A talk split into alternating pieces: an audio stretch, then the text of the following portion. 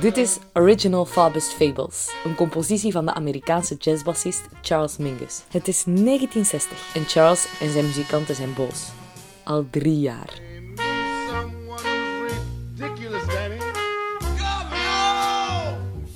Het mikpunt van hun woede, die zich als een haarbal in de maag van een kat heeft opgehoopt, is gouverneur Fabus van Arkansas.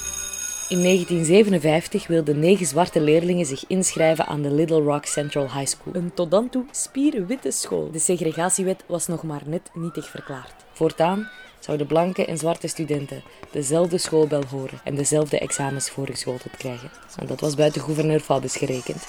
Hij weigerde de negen zwarte leerlingen. Hij schakelde zelfs de nationale garde in om hen tegen te houden. Uiteindelijk kwam president Eisenhower tussen beiden. Hij trommelde de luchtmacht op om de negen zwarte leerlingen naar school te escorteren. In 57 gebeurde dat dus. Pas in oktober 1960 ziet Charles Mingus de kans om erop te reageren. In de taal van de zwarte bevolking. De jazz. De jazz die zich bij het aanbreken van de jaren 60 naar het centrum van de avant-garde kunsten wist Die zich begon te ontplooien als intellectueel uitdagende discipline. aandurfde om de politieke realiteit op de hielen te zetten. De jazz. Charles Mingus en zijn muzikanten zijn boos. De drums, ophitsend, opporrend, opraaiend, opstokend. De bas, het wispelturig kloppend hart van hun verzet.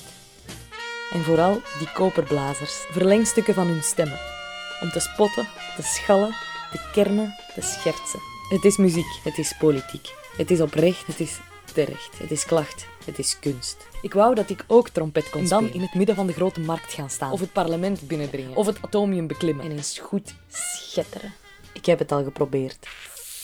Ik eh, hou het voorlopig maar bij mijn pen. Als verlengstuk van mijn stem.